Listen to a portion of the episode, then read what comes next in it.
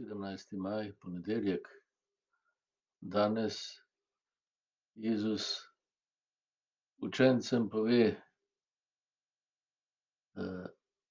da niso nič razumeli.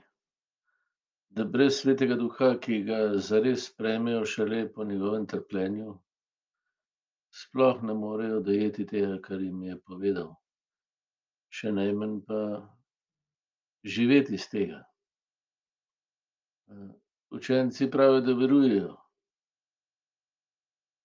Jezus pa pravi, da se bodo razkropili, vsak zase.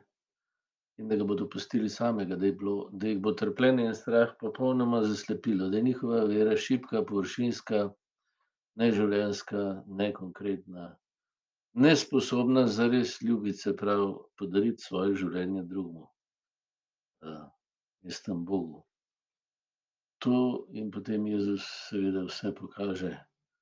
Po trpljenju, po njegovem trpljenju, šele ko ostalega vidijo, ko prejmejo duha, v katerem mi edino lahko zares ljubimo,